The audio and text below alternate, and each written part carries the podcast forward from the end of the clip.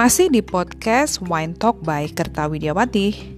Episode ini saya mau bahas agak melenceng dikit dari wine tapi masih ngomongin beverage. Bicara tentang arak yuk. Uh, kenapa arak? Karena kayaknya lagi lumayan heboh nih ngomongin arak. Banyak banget uh, berita tentang arak dan uh, apa informasi-informasi baru mengenai arak ya. Jadi kayaknya that's a good idea untuk coba share di episode ini khusus ngomongin arak aja. Saya akan secara spesifik bicara tentang arak yang uh, dibuatnya dari beras ketan. Karena sebetulnya arak banyak ya uh, bahan dasar yang lainnya bisa pakai kelapa, bisa pakai apa air tebu gitu ya, pakai nira. Jadi banyak sources atau banyak bahan lain. Tapi saya mau bicara tentang uh, arak yang dibuat uh, dengan menggunakan beras ketan. Nah, salah satu kalau kita ngomongin arak di Bali, uh, salah satu arak yang sudah established lama lumayan cukup lama ya dari tahun 1968 itu adalah arak dengan brand Dewi Sri. Kita akan bahas mengenai arak uh, arak Dewi Sri itu ya di episode kali ini. Oke. Okay.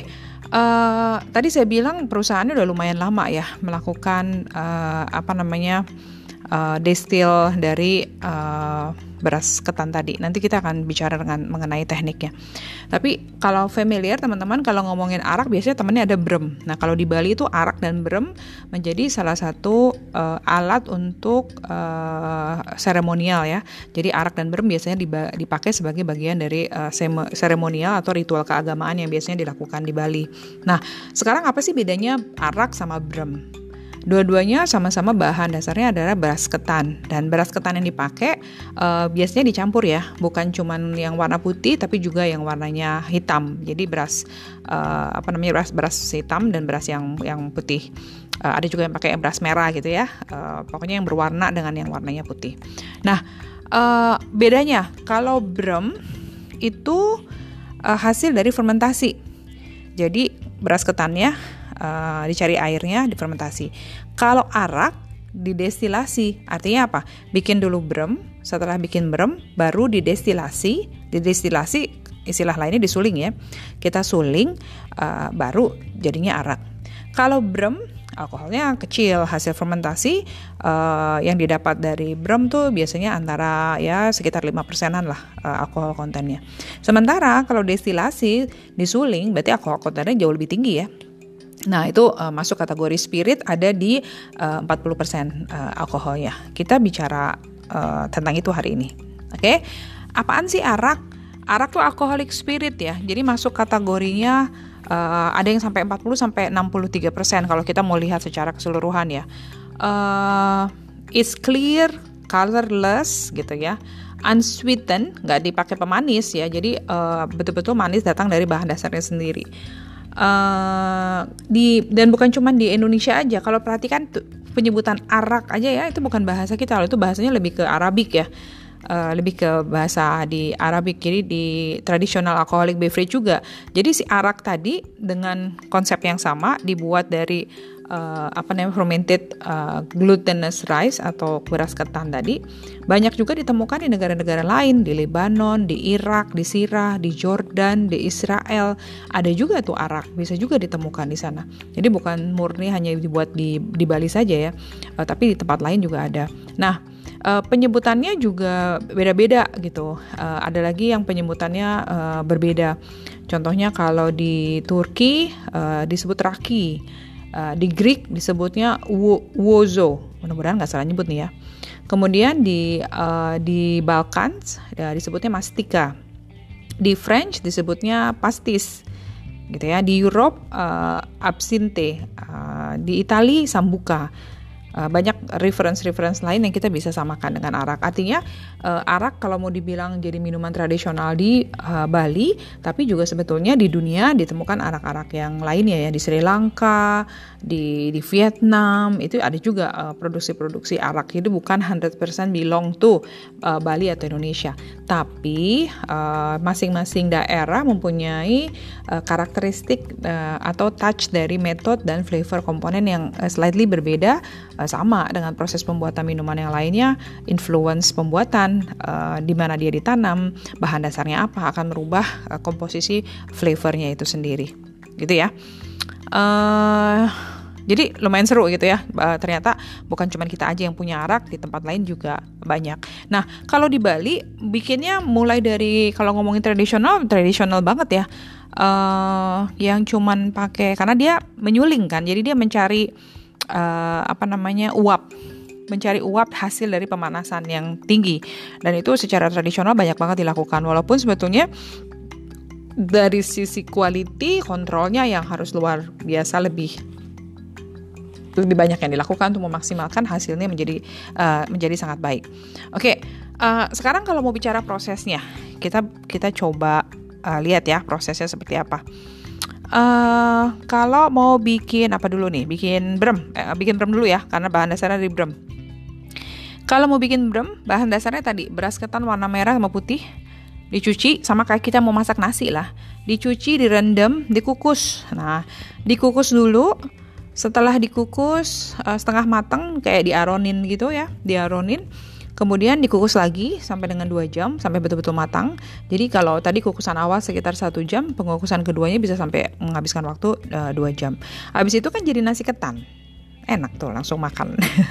nah, uh, jadi nasi ketan habis itu didinginkan. Nah, begitu selesai dingin itu biasanya ditaruh di tray gitu ya, di alas yang kita uh, apa nasinya beras ketannya itu nasi nasinya bukan beras sudah jadi nasi ya nasinya kita taruh di tray kita kasih ragi uh, barulah proses uh, inokulasi atau pekerjaannya memindahkan bakteri dari medium yang lama ke medium yang baru. Nah si ragi ini uh, dipakai gitu ya. Dia bisa jadi ragi dari hasil uh, proses uh, fermentasi yang sebelumnya itu bisa juga dipakai. Makanya kalau kita ngomongin arak Nusantara itu bisa ada raginya yang turun temurun karena setelah setiap proses ya raginya disimpan, nggak kita buang tapi kita pakai untuk proses berikutnya. Makanya kalau dengerin cerita tentang bikin tape aja misalnya gitu ya dari ke tape dari singkong itu bisa gunakan ragi yang turun temurun sekian puluh tahun umurnya gitu. Jadi secara turun temurun raginya pun uh, di dipergunakan terus-menerus untuk proses berikutnya. Nah, kembali ke proses pembuatan brem tadi. Setelah uh, raginya dicampurkan, dibiarkan fermentasi. Nah, si fermentasinya itu nggak terlalu lama juga ya. Uh, sama lah kayak kita bikin tape ketan kalau mau lebaran atau mau galungan kalau di Bali kita biasanya bikin tape ketan ya jadi kita bikin uh, terus kita pastikan uh, biar sampai matang gitu ya kalau udah matang uh, apa namanya uh, uh, indikasinya apa mulai berair, aromanya mulai manis, rasanya mulai manis gitu ya. Rasanya lebih enak. Itu perkiraan sekitar 3 sampai 4 hari aja udah udah selesai. Nah, kalau di proses pembuatannya brem setelah tadi tape ketannya sudah matang gitu ya, hasil fermentasinya sudah selesai, dilakukan pressing, di di, di, press, disaring. Jadi beras ketannya di press untuk bisa mendapatkan airnya, mencari air tape. Jadi yang kita gunakan adalah air tapenya gitu ya. Nah, setelah uh, air tapenya didapat, uh, kita biasanya simpan dulu di uh, tangki gitu ya. Ada yang stainless steel, ada yang uh, menggunakan konkrit kita simpan dulu beberapa lama karena air tape tadi biasanya masih ada partikel-partikelnya. Jadi kita endapkan dulu untuk memaksimalkan bahwa uh, endapannya tuh akan turun di bagian dasar dari tangkinya. Baru kita nanti dapetin uh, brem yang lebih uh, bersih lah, lebih clear, nggak ada endapannya, gitu ya. Jadi ada proses untuk aging dulu sebentar. Uh, tujuannya adalah untuk proses mengendapan tadi biar hasil akhirnya lebih clear. Nah hasil fermentasi tadi paling dapat cuma sekitar 5 persenan aja alkoholnya. Uh, rasa rasanya masih manis ya, manis dari tape ketannya tadi, dari proses tape ketannya. Jadi warnanya biasanya lebih pekat, uh, gelap warnanya karena menggunakan uh, berasnya warna hitam atau merah. Jadi memberikan warna. Kalau kita pakai berasnya warna beras ketannya warna putih aja di proses pembuatan brem nanti warnanya ya putih kekuningan gitu, agak kuning gitu ya warnanya, nggak terlalu putih banget. Nah itu bikin brem. Nah sekarang kalau mau evaluate setelah brem kita mau bikin arak, udah punya air tapenya, udah bersih nih, baru kita destilasi. Destilasi itu berarti diapain? Di uh, disuling gitu ya. Baru kita lakukan penyulingan. Nah uh, penyulingannya uh, dilakukannya biasanya menggunakan kalau di Dewi Sri yang saya lihat itu menggunakan uh, kolu apa pot ya menggunakan pot distiller uh, double distiller uh, bahannya dari Cooper gitu dari tembaga bahannya dari cooper didestilasi. Diapain sih kalau si destilasi? Berarti dia dipanaskan sampai titik tertentu. Nah pada saat destilasi itu yang mesti hati-hati sebetulnya adalah memaksimalkan kalau uh, temperaturnya tuh antara 80 sampai 90 degree. Karena kalau sampai uh, apa namanya di bawah 80 sampai 90 uh, kita nggak dapetin pure arak hasilnya jadi yang kita ambil kan uap air, uap uap araknya tadi ya, yang drop satu tetes satu tetes gitu. Uh, itu yang kita tampung. Karena nanti kalau misalnya lebih uh, apa namanya, lebih uh, rendah atau lebih tinggi di antara 80 sampai 90 degree, apa yang terjadi? Yang terjadi adalah uap air. Nah, kalau uap airnya ikut menetes, itu artinya kualitas si araknya kurang pure, uh, kurang bagus kualitasnya karena masih ada tetesan air tadi. Jadi, alat untuk destilasi menjadi peran yang sangat penting sekali untuk bisa memastikan menghasilkan uh, arak yang uh, baik gitu ya. Uh, untuk memastikan itu uh, apa namanya temperatur 80 sampai 90 uh, Celcius untuk bisa. Biasanya kalau di arak Dewi Sri digunakan double distill. Artinya apa? Distill yang pertama setelah jadi kita distill lagi biar dapetin benar-benar pure uh, flavor komponennya. Neutral warnanya putih ya setelah di destil warnanya nggak hitam lagi warnanya atau tidak pekat lagi warnanya warnanya lebih putih uh, clear masih masih tercium aroma manis dari uh, air ketannya tadi flavor komponennya masih ada uh, banyak banget berasa itu ya masih sweetnessnya tapi very very smooth gitu ya itu. Makanya uh, arak sangat cocok juga dipakai untuk uh, basic ingredient untuk pembuatan koktail. Karena tadi dia punya neutral uh, apa namanya uh, alkohol uh, yang bisa dikombin dengan berbagai flavor ketika dibuat koktail. Beda kalau misalnya kita punya whisky gitu ya. Kalau whisky kan punya distinctive flavor sendiri uh, yang masih bisa di misalnya dibikin koktail tapi lebih banyak PR-nya gitu karena banyak note-nya. Jadi kalau mau dibilang kalau arak uh, apa namanya bisa menjadi bahas salah satu bahan dasar uh, pembuatan koktail yang sangat mudah bisa diadap oleh bartender untuk menciptakan flavor-flavor tertentu. Itu ya. Uh, itu cerita tentang brem dan arak. Tahu bedanya, tahu proses pembuatannya, tahu apa yang membedakannya gitu ya.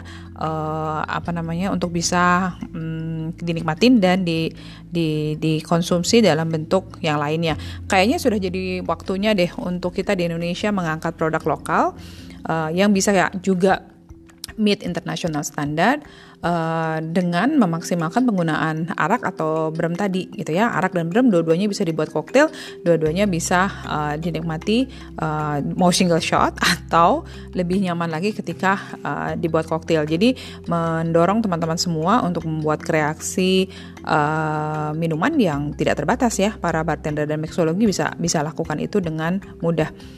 Uh, itu podcast saya hari ini. Uh, mudah-mudahan uh, nambah insight lagi mengenai brem dan arak yang lagi heboh banget dibahas di mana-mana. Semoga bermanfaat. Tetap di uh, Wine Talk by Kertawi Dewati. Sampai episode berikutnya.